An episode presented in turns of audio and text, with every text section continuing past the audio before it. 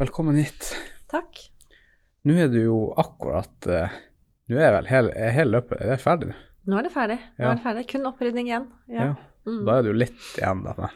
Ja da, men det går fort unna. Utrolig mange flinke som hjelper til med det også, så uh, vi har både fått vaska kontoret i går, og så holder vi på med gågata ute nå, da, i dag. Siste finish på den også. Skal vi overlevering til kommunen i løpet av dagen. Mm. Ja, så de, de kommer og sjekker etterpå. Ja, det gjør det. Mm. Men hvordan, hvordan føles det nå å ha vært eh, gjennom første løpet?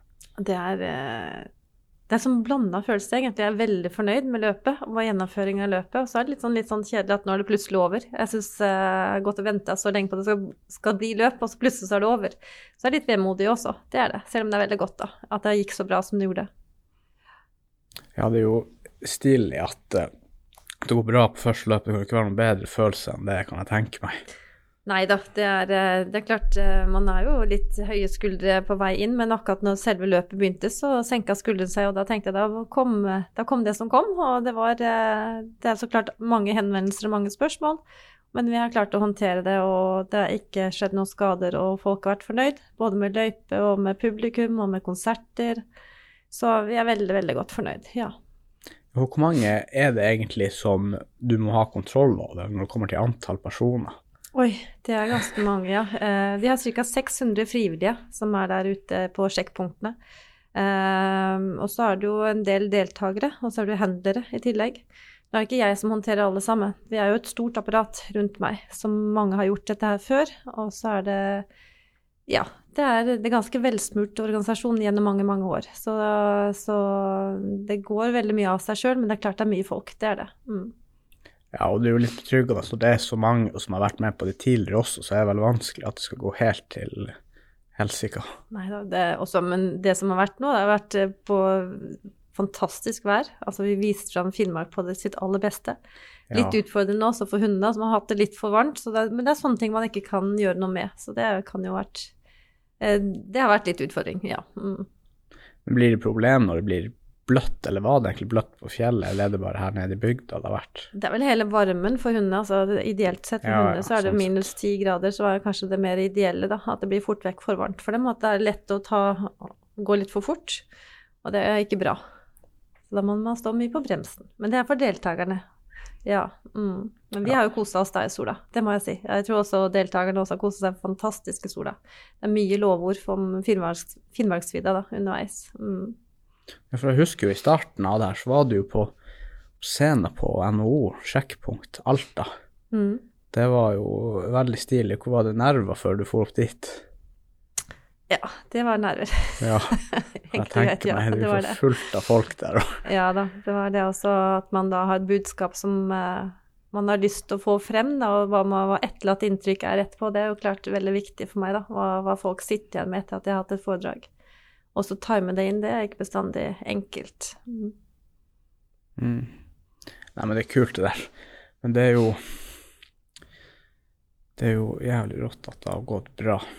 Men hva, hva er det viktigste du kan, ha, har tatt lærdom, da? Mm. Og det er så mye. Jeg har vært så bratt læringskurve hele Finnmarksløpstiden. Jeg føler meg fremdeles som ny, da, eller rookie som man kaller det på eh, språket. Men eh, selv om jeg starta i 2020, så føler jeg i og med at jeg da er førsteløpende nå, så nå er jeg ikke rookie lenger etter å ha kjørt det løpet her nå, så nei, det er Alt er egentlig fantastisk å ha vært med på. Så jeg, jeg tror jeg må bruke litt tid på å fordøye alle inntrykkene, fordi det har vært veldig mye de siste ukene.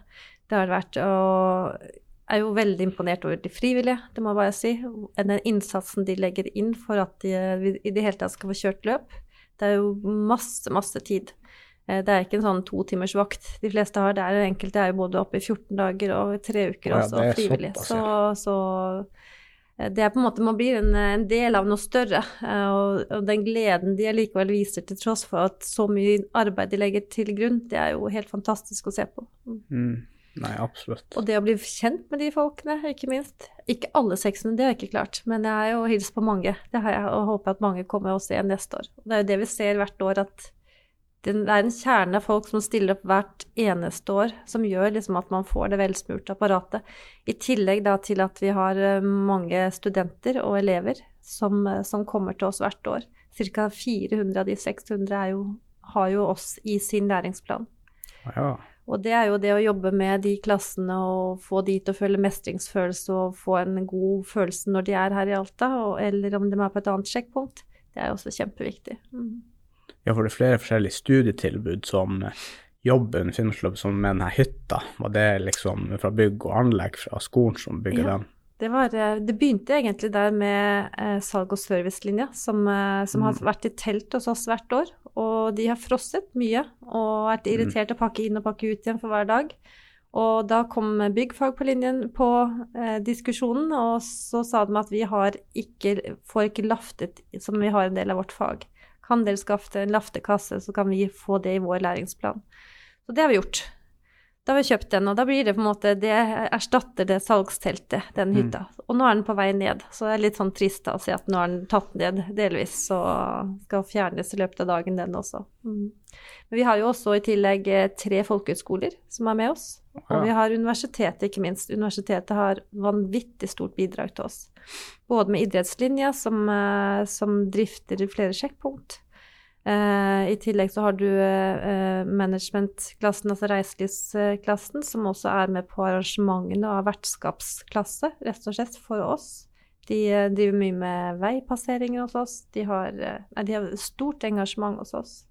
I tillegg til at vi også har en internship på besøk hos oss. Ikke bare på besøk, man jobber faktisk hos oss i to, to måneder da, før løpet. Mhm. Ja, det er jo eh, genialt at dere får liksom med utdanningsinstitusjonene også med på det her. Ja. Da blir det en bra sånn ringeffekt da for samfunnet. Mm. Og vi, nå snakket jeg mest om Alta, men vi har jo også både um, Tana, så har videregående skole som er Kirkenes, har også uh, folk, og ikke minst militære, som også har vært veldig bidragsytende. Jeg tror de har okay. rundt 150 soldater som også har vært med oss som, uh, som eh, frivillige. Så det er et stort apparat. Veldig stort apparat. Ja, det er noe å ha kontroll på. Mm. Absolutt. Men blir ikke det sinnssykt stor kontrast mellom de en eller to månedene som løpet er, og kontra de resten av de ti månedene. Vet du, det å jobbe i Finnmarksløpet, det er, en, eh, det er mye å gjøre hele året. Det er jo en, eh, vi har et årshjul med oppgaver som skal gjøres, og nå er det jo eh, rydding, og så er det jo evaluering med alle samarbeidspartnere alle involverte parter, og så er det jo forhandling med nye kontrakter, og så er det å finne ut hvordan vi skal planlegge for neste år. Og det er ikke noe som gjøres 14 dager før. Så det er eh, hektisk hele året i Finnmarksløpet, men ekstra hektisk så klart under løpet. Mm.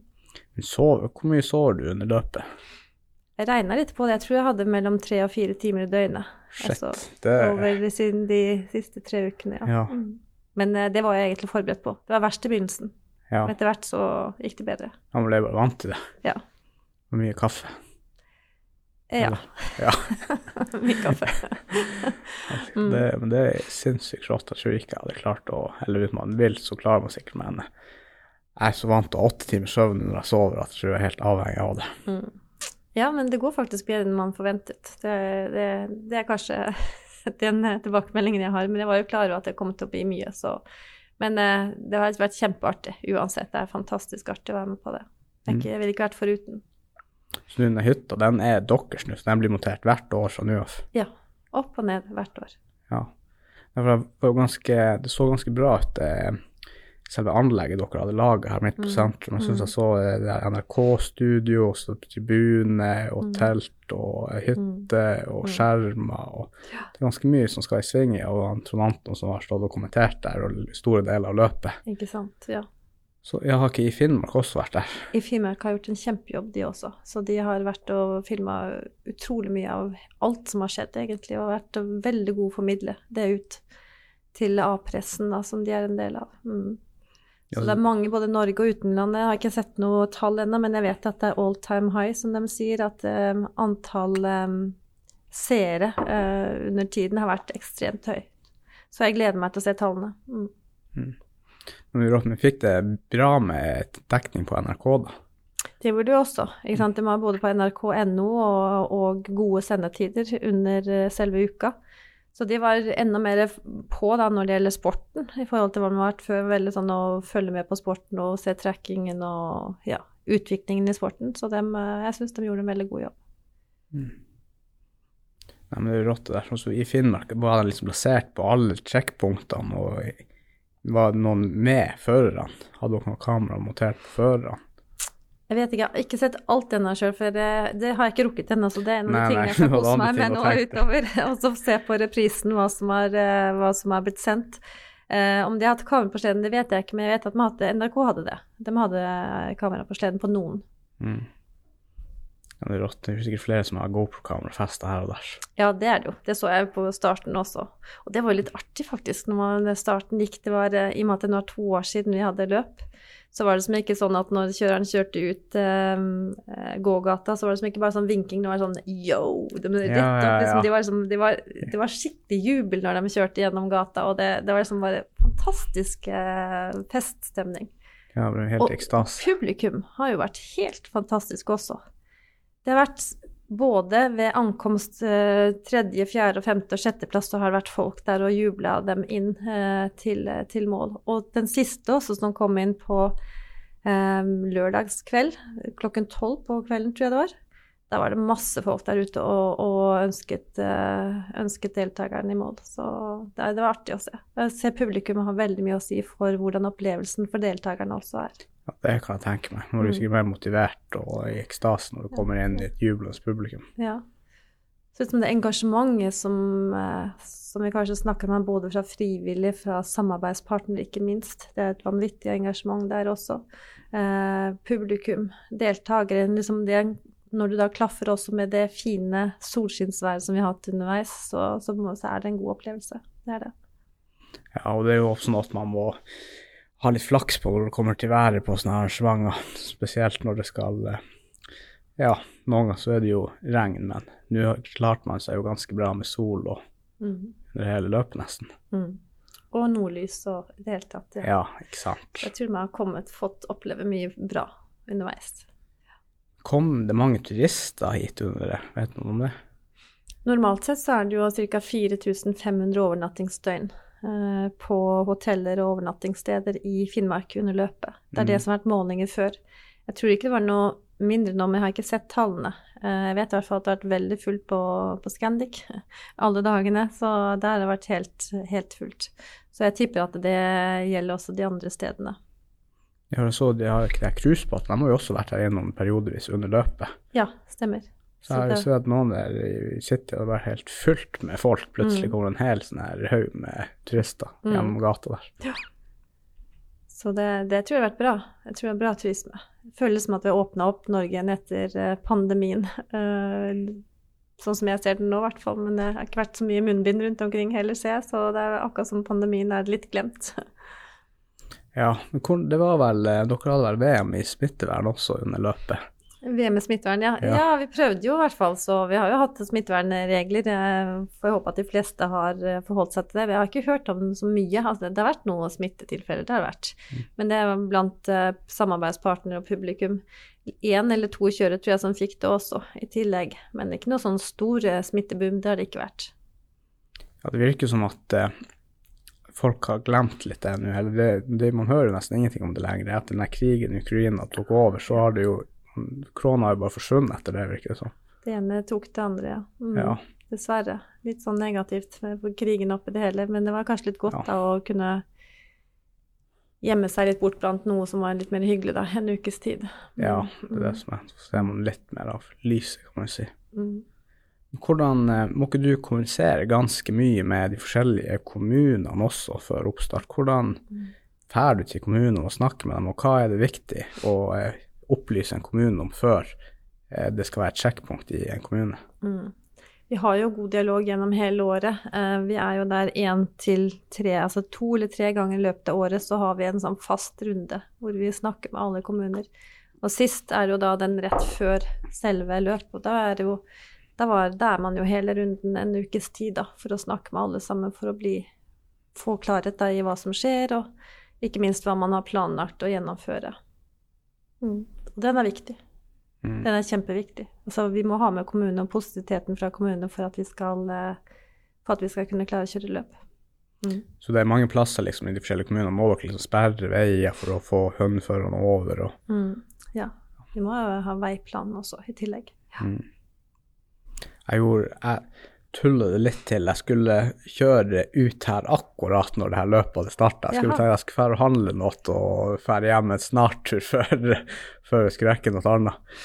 Så endte det med at jeg sto kanskje en 45 minutter utenfor Rema 1000 her og venta i kø. Ja, det vil jeg tro. Ja, men det der det skjedde i fjor også, så jeg skulle egentlig ha lært fra det. Det er liksom en gang i år hvor det er kø i alt, og det er når Finnmarksløpet går, da har vi sperra litt veier og Ja. sånt. Det har vi gjort. Men vi har eh, politiet med oss som hjelper oss å dirigere på de mest trafikkerte Ja, ja, stedene. Så vi prøver å være så smidige som mulig. Men det er klart, eh, i og med at vi er så heldige da også å få lov til å bruke gågata som start, så, er det jo, så blir det jo litt eh, kaos med biler det er rundt. Det, det gjør det. Men jeg må bare skryte veldig av kommunen vår.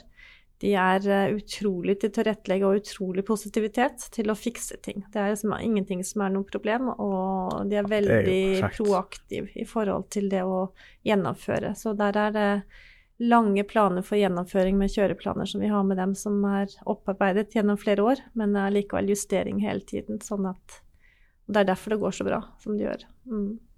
Det er jo egentlig sinnssykt kult at det begynner midt i sentrum. Ja. Det er vel ikke mange andre sånne her eh, underløp som har den fordelen. Jeg leste den boka som vi har som heter 'Vinterens vakreste eventyr'. og Der var det første spannet var det tre spann som gikk, og da valgte de å legge det utenfor sentrum fordi at de ville ikke at hundene skulle bæsje i sentrum. Ikke sant? Ja. da var det tre, tre spann, og nå har vi jo 120 spann, så det, det sier jo litt om eh, velvilligheten og den entusiasmen da, som det er rundt hundesporten, og, og hvordan man klarer å synliggjøre alt av sentrum på en fin måte da i starten. At man da tilrettelegger for det. Mm. Foregikk det et annet hundeløp i Canada samtidig, eller noen Ja, andre plasser? Road, ja. Mm. Ja, det gjorde det, ja. ja. Ikke sant. Men det er lengre, det løpet. Det er eh, cirka, eh, nå hørte jeg faktisk i dag, jeg tror det er 24 kilometer, kilometer lenger. Altså det er noe Ja. lenger, det er det. Ja, det er det. Litt annen type løp. Hanna Lyrek har jo vært der og var jo kåra Ja, til beste rookie, eh, så det er jo fantastisk.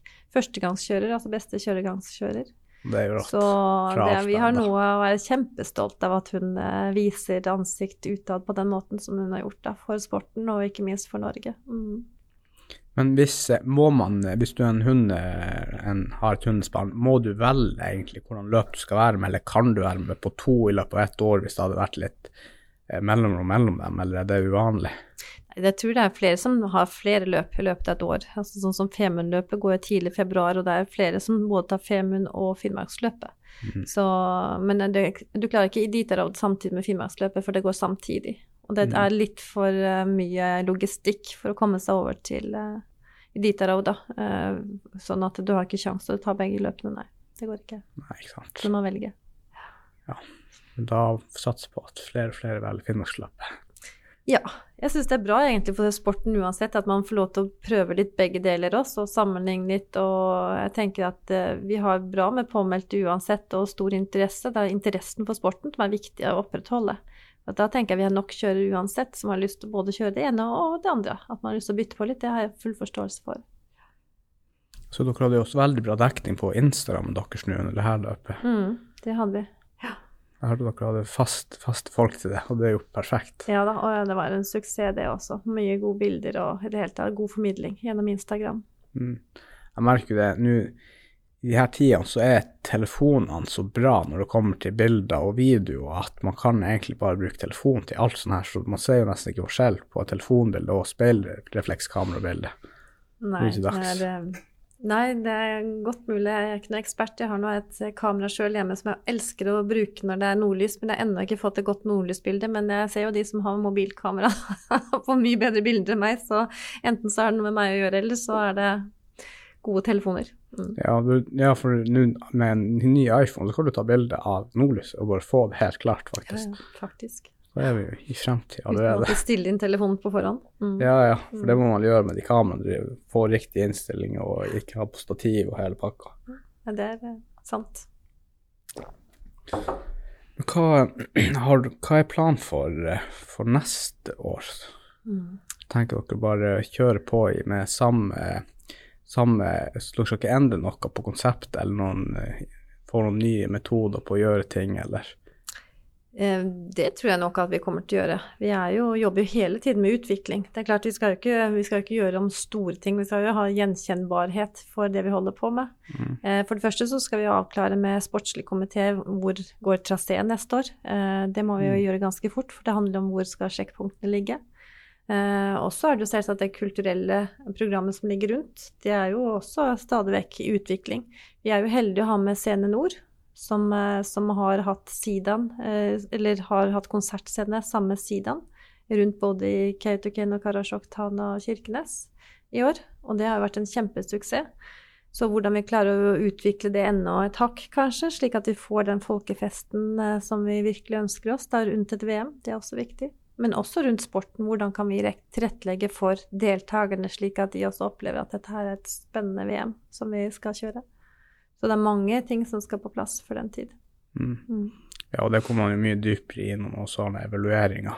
Da vil vel mye komme opp på forbedringspotensialet og absolutt, alt. Absolutt. Men det der er jo en evig, evig jobb. Ja, og det er viktig jobb også. Jeg tenker det, Vi har alltid forbedringspotensial, og det er viktig å ta de signalene som kommer og, se, og gjøre noe med det vi kan faktisk gjøre noe med. Altså, alt kan man jo ikke gjøre noe med, men, eh, men der vi har mulighet, så må vi prøve å strekke oss langt for å få gjort noe med det. Ja, så I august fikk dere, dere fikk fornyende en avtale med UiT, da? Ja, stemmer. Er det langårsavtale? Vi har jo fram til 2024 i utgangspunktet, så, ja. men den går på årlig, på aktivitet årlig, hva vi gjør for noe i lag i forhold til det med utvikling av å være en praktisk læringsarena og kommunikasjon da, med, med UiT. De er viktige for oss. De er kjempeviktige både fordi at de har de ungdommene som også bidrar under løpet, og at vi kan også være den læringsarenaen som, eh, som, de ønsker at det skal være. Så i år så har vi faktisk fått uh, laget et kompetansebevis gjennom en uh, digital portal som vi har utviklet. Så da kan alle som har vært frivillige hos oss, hente seg et kompetansebevis, og det innen en ukes tid så er den klar. Hva i helsike. Så da hvis du har vært frivillig, så får du en kompetansebevis og kan komme deg lettere som frivillig på andre løp da? Ikke bare andre løp, men jeg tenker også hvis du er uh, ung og ikke har hatt arbeid og legger ja, sånn, kompetanse, ja, ja, så skal jo det også være et, eh, et, kvalitetstempel på at du har vært med på noe som er uh, såpass stort, og som på en måte kanskje er en, en diskusjon da, inn i f.eks. en intervjufase. Hvis man ikke er vant med det, så er det litt lettere å snakke om noe som man uh, kjenner til først, da, før man før man går på intervjurundene, og det forteller også veldig mye om dem som har vært med. Altså du, du bidrar frivillig i dagevis, kanskje ukevis. Og fortell om det, så er det kvaliteter som ofte en arbeidsgiver er på jakt etter. Mm. Mm, det ser veldig, bra ut på en CV. Ja, jeg tror det. Jeg tror at det ser veldig bra ut på en CV. Jeg har jobbet mye med ungdom tidligere i arbeid, og det er mange ungdommer som har lite på CV-en. Naturlig nok fordi at de er unge, men det å ha noe, synes det, det, vil, det vil alltid være positivt. Mm. Nei, absolutt. Jeg håper de blir brukt. Mm. Ja, nei, men det er jo stilig. Det er jo også en eh, Da utvikler dere jo mer i den, den retninga. Mm. Det er jo mm. knallbra. Og ungdom er jo et satsingsområde også for oss. Vi, vi snakker om det å ha bolyst og blilyst uh, i Finnmark, i landsdelen. At vi har en attraktiv landsdel, og det er jo det vi prøver å synliggjøre. Og det er klart at ungdommen er jo vi frir jo veldig mye til ungdommen for å oppleve, ha gode opplevelser her i Finnmark. Og det er klart, hvis de da får det også, og får et kompetansebevis på det, og kanskje har lyst til å bosette seg, da hadde det vært helt fantastisk. Mm. Det er det beste. Men hvordan, hvordan føler du eh, den, eh, det miljøet for eh, hundespanførere er i Alta nå? Er det voksende, eller er det mange Jeg Vet om det er mye forskjellige aktiviteter? Snakker de her hundespanførerne med hverandre og trener i lag? og det tror jeg er litt forskjellig, men det virker som at det er en, en god stemning blant kjørere. Og jeg tror også mm. det er bra rekruttering. Så, men det er klart det er noe man alltid må jobbe med. Det er jo rekruttering. Mm. Men det hjelper jo veldig mye med de med Alta folkehøgskole, som har hundekjørelinje der. Du har jo også Pasvik folkehøgskole, som har akkurat det samme. Ja, har det, ja. 69 grader nord under Malangen, som også driver med hundekjøring. Og alle de er jo representert under Finnmarksløpet. Mm. Og det er jo ungdommer som, eh, som, stiller opp der, og som har en drøm om å kjøre finnmarksløp. Men det er jo ikke for alle å kjøre det hvis du ikke har Du må ha, for det første ha en stor hundegård, så må du ha trente hunder, og så må du ha økonomi til å gjøre det, for det er en dyr sport. Ja, det kan jeg tenke meg. Det er sikkert mye dyrere enn å kjøre scooter. Å kjøre scooter er jo ja, veldig dyrt. Også tid, ikke minst. Du må, du må, du må ofre mye tid for å få et godt spann. Mm. Ja, ikke sant, man følger opp hundene. Og hvor mye hunder er det egentlig i et gjennomsnittlig spann? Seks-åtte stykk? Du har jo eh, 14 på den lange distansen, det 14, og så har du er det det er 8 på, 14, ja. på 600. Mm. Ja, jeg tror det går sikkert litt kilo med mat til dem da, i løpet Ja av en dag. Det gjør det, men du har jo med, ofte mer enn 14 hunder i hundegården hjemme da, for å jobbe med sporten. De har jo f.eks. eksempel eh, Thomas Werner, han har 60 hunder. Så Mm. det er klart at det er jo ikke uvanlig å ha, ha ganske mange hunder hjemme, og alle skal ha mat. Alle skal ha trening. Det er jo en fulltidsjobb, egentlig. Ja da, det er det. Mm.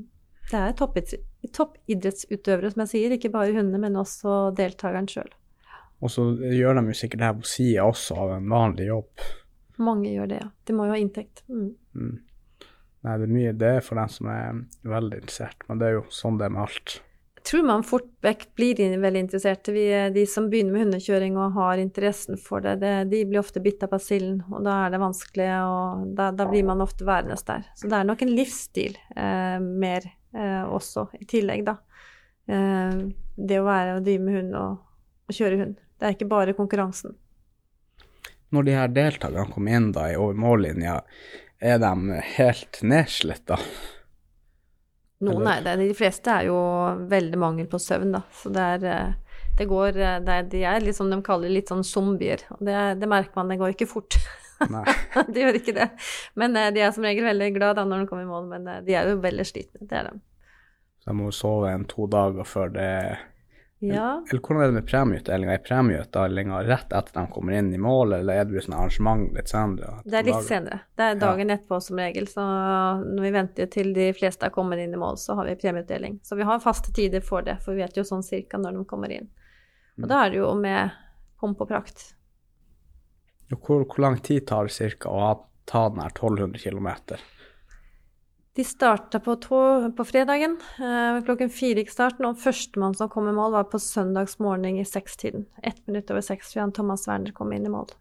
Så, og da gikk det raskt. Eh, vi hadde vel kanskje tenkt at eh, Nei, på, på lørdagsmorgenen var det jeg mente å si. Mm. Mm. Så det er Det tar fort vekk en uke. Mm. Og hva de, de tregeste? Unnskyld, man, fredag, nå, nå tuller jeg fælt. Det er fredagsmorgen kom han jo inn. Det tok jo ganske Ah, nøyaktig ja, en uke. en uke. ja. Mm. Så er det obligatorisk sånn hviletid da imellom sjekkpunktene. Ja, du må ta ut hviletider. Det er bestemmelse for hviletid. Eh, det er det. Og du kan velge enkelte steder kan du velge mellom flere sjekkpunkter. Du skal ha tatt ut så og så mange timer hvile. Ja, okay. ok. Og så har man jo beregning på det. Noen tar ut mer og kanskje går raskere. Og mens noen tar ut mindre, men kanskje går ikke fullt så raskt. Da. Så det er litt avhengig av hva slags hunder man har, hva slags føre det er, og temperatur. Så det, er, eh, det er litt sånne ting som da deltaker må hele tiden kalkulere med. Men de har som regel lagt opp et løp i forkant på hvordan de skal kjøre. Så de prøver å følge planen da til hver tid. Men den er jo hemmelig, så klart. Ja, ikke sant. er ingen som, ingen som røper planen sin. Nei, det blir jo sånn strategisk planlegging, egentlig. Mm. Ja. Er, er det noe sånn her, Har dere noen regler hvis det blir f.eks. fem varmegrader, at dere må kansellere løpet pga. hundene sin helse? Nei, det, det mm, har vi vel ikke. Vi har jo regler, så klart. Vi har en stor beredskapsplan. Mm. Og det er vel kanskje det største det med hvor mange kuldegrader egentlig det skal ned før man skal stoppe et løp. Det er vel sjelden Ja. at vi opplever at det har vært så mye varmegrader som nå. Men vi har jo veterinærer på hvert eneste sjekkpunkt. Og de gjør en grundig jobb i forhold til å se på body score condition, som det heter, altså, og ikke minst dehydrering, som er viktig hvis det blir for varmt. Så de vil jo hele tiden eh, se til at hundene eh, Man ikke går ut med hunder som ikke skal gå lenger. Altså det, man er ganske streng med å sette ut hunder da, hvis de mener at de er syke, eller at det er årsak til at de ikke skal gå mer. Kan f.eks. han som hadde 60 hunder, kan han f.eks. bytte ut en hund i løpet av løpet, eller må du ha de samme hundene som du starter? Ja da. Ja. Du kan starte med 14, og så må du ha 6 når du kommer i mål. Ja, ok.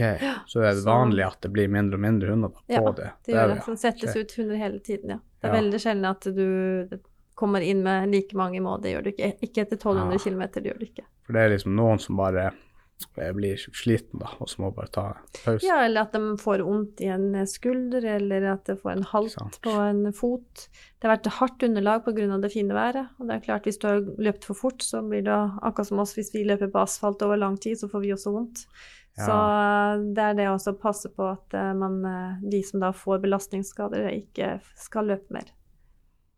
Og så er de her posene dere også har rundt, det er bare som votter på eh, føttene. Mm. Ja, det er viktig, ellers blir de såre. Veldig såre føtter etter så Ja, ja. mange mil. Ja.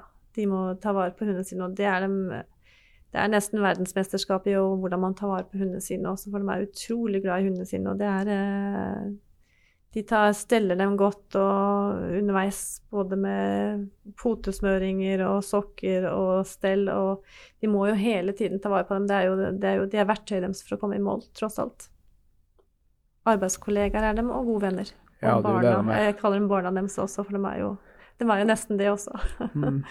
Mm. Nei, men du, man må jo jobbe som et team når man er i sånn her spann. Mm. Da skal alt gå etter planen. Og Mm. jeg tenkte det må jo være veldig krevende å holde kontroll på 14 hunder, kan jeg tenke meg. Jeg vet bare hjemme hos, eh, hjemme hos eh, faren min, der har vi alltid hatt hunder. Mm. Og det hadde vært vanskelig å ha kontroll på to hunder. Ja. Så når du skal ha 14, her, skal de jobbe på lag også. Men det er sikkert også litt om ja, rasehund det er også. Mm. Det er jo kanskje mest utfordring i starten, for det er mye puls i starten, og mye hunder og mye folk. Og hundene er godt uthvilt og veldig klare for å løpe.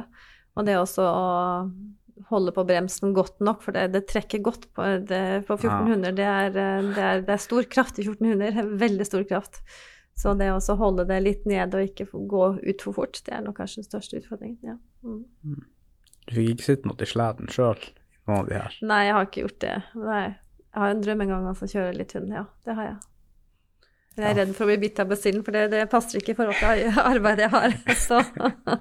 Men det ser jo helt fantastisk ut. Men i hvert fall når man ser sånne fine bilder over vidda og hundespannet foran som eh, koser seg og i fin sol, så klart, det er jo veldig fristende. Mm. Jeg kan tenke meg det må være perfekt for de her hundekjørerne når de er oppe på Finnmarksvidda og bare er i nuet og Mm. har hundene foran seg. Jeg tror det er en meditasjon i seg sjøl. De sier det, de som har vært på fjellet nå og kjørt. Så de sier at det var, helt har storkost seg. Mm. Mm. Ja, men da må vi bare satse på at det kommer like mange til neste år og deltar. Ja, vi håper jo kanskje det kommer enda flere oss, og enda flere nasjoner. Nå har vi forhåpentligvis forbi koronatiden, at det ikke det setter noen begrensninger. At vi da Vi hadde elleve nasjoner i år, og jeg håper at det kommer enda flere nasjoner neste år. I og med at vi har VM, så vil jeg jo tro at det kommer til å Ja, for hva er det dere vil ha VM til neste år? Ja, mm, Og hvor, hvor det har holdt, hvor det har vært før? Eh, Det er eh, litt forskjellige steder, men i Sverige hadde vi vel VM i år, eh, i Nord-Sverige. Så vi har nå søkt, og vi har fått, det, fått innvilget at vi får VM neste år. Det Så rått. det er litt av det å skape Gratulerer. både VM-byer og, og, og ikke minst forløp i seg selv. Så jeg tenker det er veldig attraktivt for deltakere å få en tittel. Mm. Og kjempe om en tittel. Ja, og da blir det vel enda mer mediestorm rundt det. Håper jo det. Det er jo måten vi klarer å kommunisere den fine landsdelen som vi bor i, den attraktive landsdelen vi bor i. Så det er gjennom media. Og det er på en måte vår bidrag tilbake igjen også til landsdelen. Da, at vi klarer å formidle det slik at det blir turistnæringen også kan vokse her oppe. Det er jo perfekt for markedsføring. Mm, det er det. Verdensmesterskap i Alta. Ja. Litt i gågata. Alta og Tana, Kautokeino, Karasjok, Kirkenes. Ja. Hele, alle de kommunene vi går gjennom. Ja, for det blir litt sånn som OL, at de rullerer hele tida på hvor de er og arrangerer det. Mm, Eller det er vel kanskje vanlig i VM også. Ja, nå er det jo ikke så veldig mange som kan arrangere VM heller. Man skal jo ha forholdene for det, og her i Finnmark er det jo perfekte forhold for å kjøre hund. Fordi du har de lange distansene, du har de viddene, du har eh, ja, du har vinter, ikke minst. Ja. Eh, Og det gjør jo at det er lettere for oss å arrangere enn andre steder. Det har vært, Sørpå har det vært dårlig med snø i år.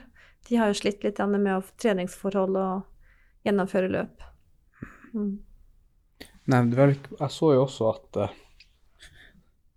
teltet deres var forsvunnet på en morgen her. Ja. Og det var full panikktilstand. Nei, vi, Først så trodde vi at det var brent ned, for vi så en uh, askehaug der. Men så fant vi ut nei, det var ingen teltstenger der. Det kan ikke ha brent ned, fant vi ut. Uh, og så var det jo i Finnmark som ringte meg og lurte på hvor teltet var blitt av. Så spurte jeg tilbake igjen har ikke dere noen kameraer som dere kan uh, kanskje spole tilbake til, og kan dere finne ja. ut av hvor det faktisk havna hen? For jeg vet ikke, sa jeg til dem. Og før jeg fikk ringt politiet, så ringte de Finnmark tilbake og sa de hadde funnet teltet hos politiet. Så, veldig, så de var eh, detektiver for oss, da. Så politiet hadde tatt det ned, for det hadde vært noen som hadde hygga seg godt. De hadde hatt en nachspiel på en lørdagskveld. Og for at ikke det noen skulle skade seg eller ødelegge seg, så hadde politiet tatt ansvar og pakket det ned. Og ja, satt det på, på, på, kjelleren hos seg, så vi henta det der dagen etterpå. ja, for det er jo litt verdier som er ute og står her i løpet av natta. Det er jo det, men det er jo litt kult at vi kan ha pynte litt i gata uten at vi er redde for at, vi, at det blir stjålet. og det blir jo ikke det heller, da. Det blir jo tatt ned, heldigvis. Så det, vi har ikke noe det er ikke noe som er ødelagt sånn sett. Det var vel litt ødelagt i teltet, men uh, vi skal kunne, mm. kunne, klare å reparere det. Mm. Ja, det er jo en av de fine tingene med å bo i Norge, er jo at det er så høy tillit blant innbyggere til hverandre. Jeg tror Norge er vel en av de mm. landene som har høyest tillit til hverandre, for hvis du sammenligner det med USA og mm. ja, andre nasjoner. Ja da, det er nok det. Så jeg tenker at vi må kunne ha en, en, en vinterfest uten at det går og er kjempeengstelig for at folk skal ødelegge for oss. Mm.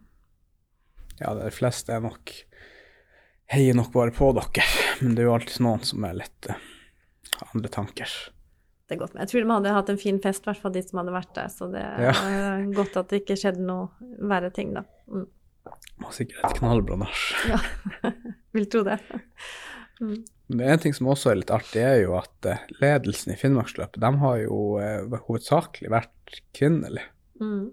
Det er jo veldig bra. Ja, om det er tilfeldig eller ikke, det vet jeg ikke. Det er mange som spør meg om akkurat det. Men uh, vi har jo hatt uh, han Gunnar Nilsen også, uh, som har vært innimellom. Så det har ikke bare vært damer. Det har det ikke vært. Så Men hvorfor det har vært sånn, det vet jeg ikke. da er det i hvert fall litt mer kontroll?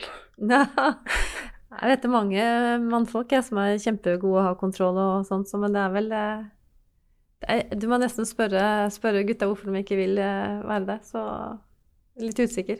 Mm. Ja, det er rart. Ja ja. Nei, men det er jo en bra sport, da. det er nok flere som er interessert i det, så sikkert tilfeldigheter.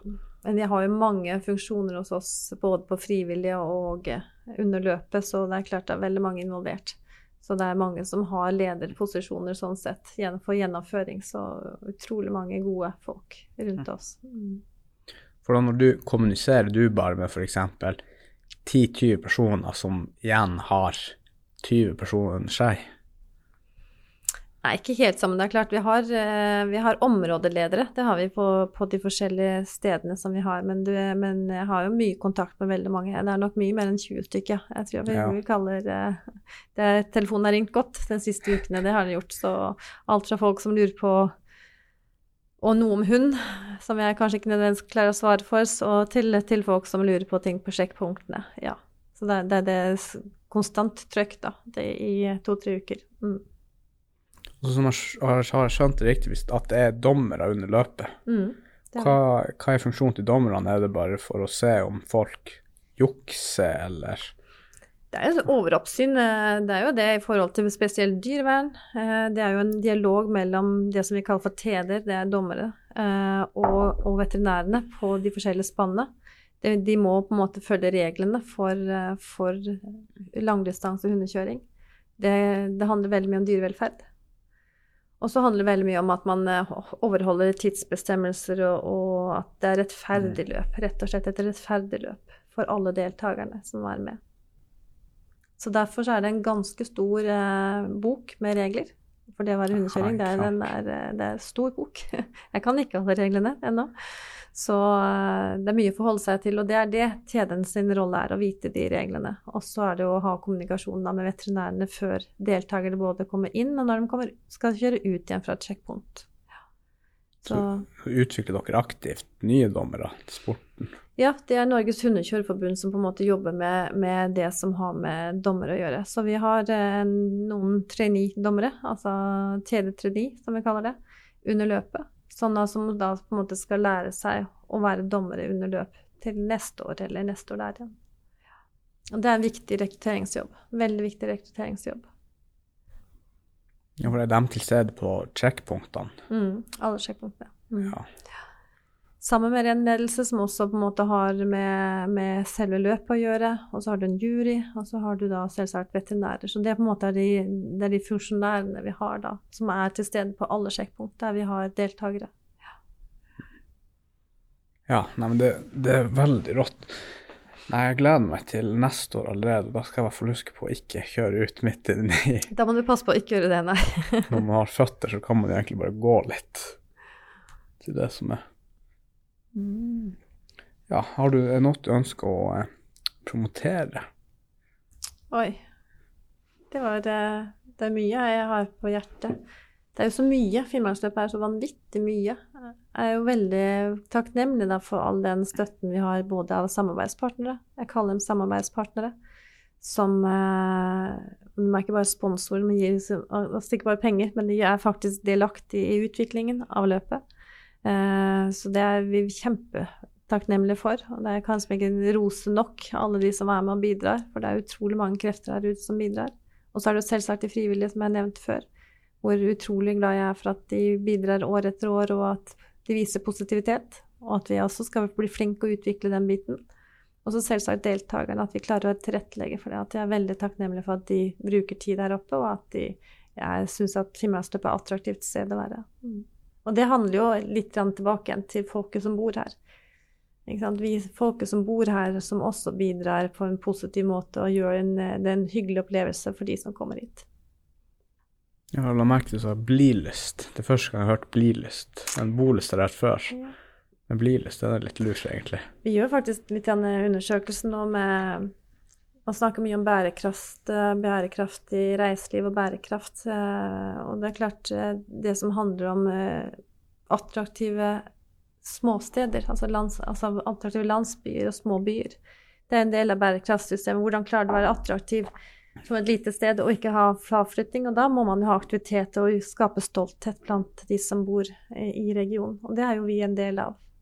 Vi mener at vi bidrar godt der med Finnmarksløpet, og jo flere som deltar, enten som frivillige eller på annen type engasjement, så vil jo det være med på å skape en blilyst, som jeg kaller det også. En bolyst og en blilyst. Mm. Mm. Ja, absolutt. Det høres veldig bra ut, egentlig. Mm. Og det gir mening. Man må jo ha noen aktiviteter hvis det skal være liv i byer. Hvis er noen aktivitet, så flytter jo folk vekk. Mm, absolutt. Jeg tror på med Alta. Det var vel Alta var jo kanskje den eneste byen i Finnmark som hadde tilflytting i 2021. Ja. Men, så vet jeg samtidig også det er jeg tenker det er én indikator for uh, om det er bra sted å bo eller ikke, men jeg tenker det er mange andre indikatorer også som sier om det er et bra sted å bo. Så selv om flere kommuner har fraflytning, så vet jeg at det er en god driv der. Altså så lenge det er positivitet og driv i byen så, eller stedet, så er det jo et godt sted å bo da, for folk. Så jeg tror det, finnes, det bør være andre indikatorer også som eh, viser noen ting om, eh, om hvor attraktivt stedet er, enn bare det hvor mange som flytter dit. Ja, nei, det er absolutt sant. Ja. Det er vel en haug av mm. faktorer. Det er det, absolutt. Ja. Nei, men jeg vil egentlig bare takke deg for at du tok tida litt ut av dagen og snakke litt om det første løpet. Takk. Takk for at jeg fikk komme. Ingen mm. problem. Det var veldig hyggelig. Mm. Greit. Ha det bra, alle sammen.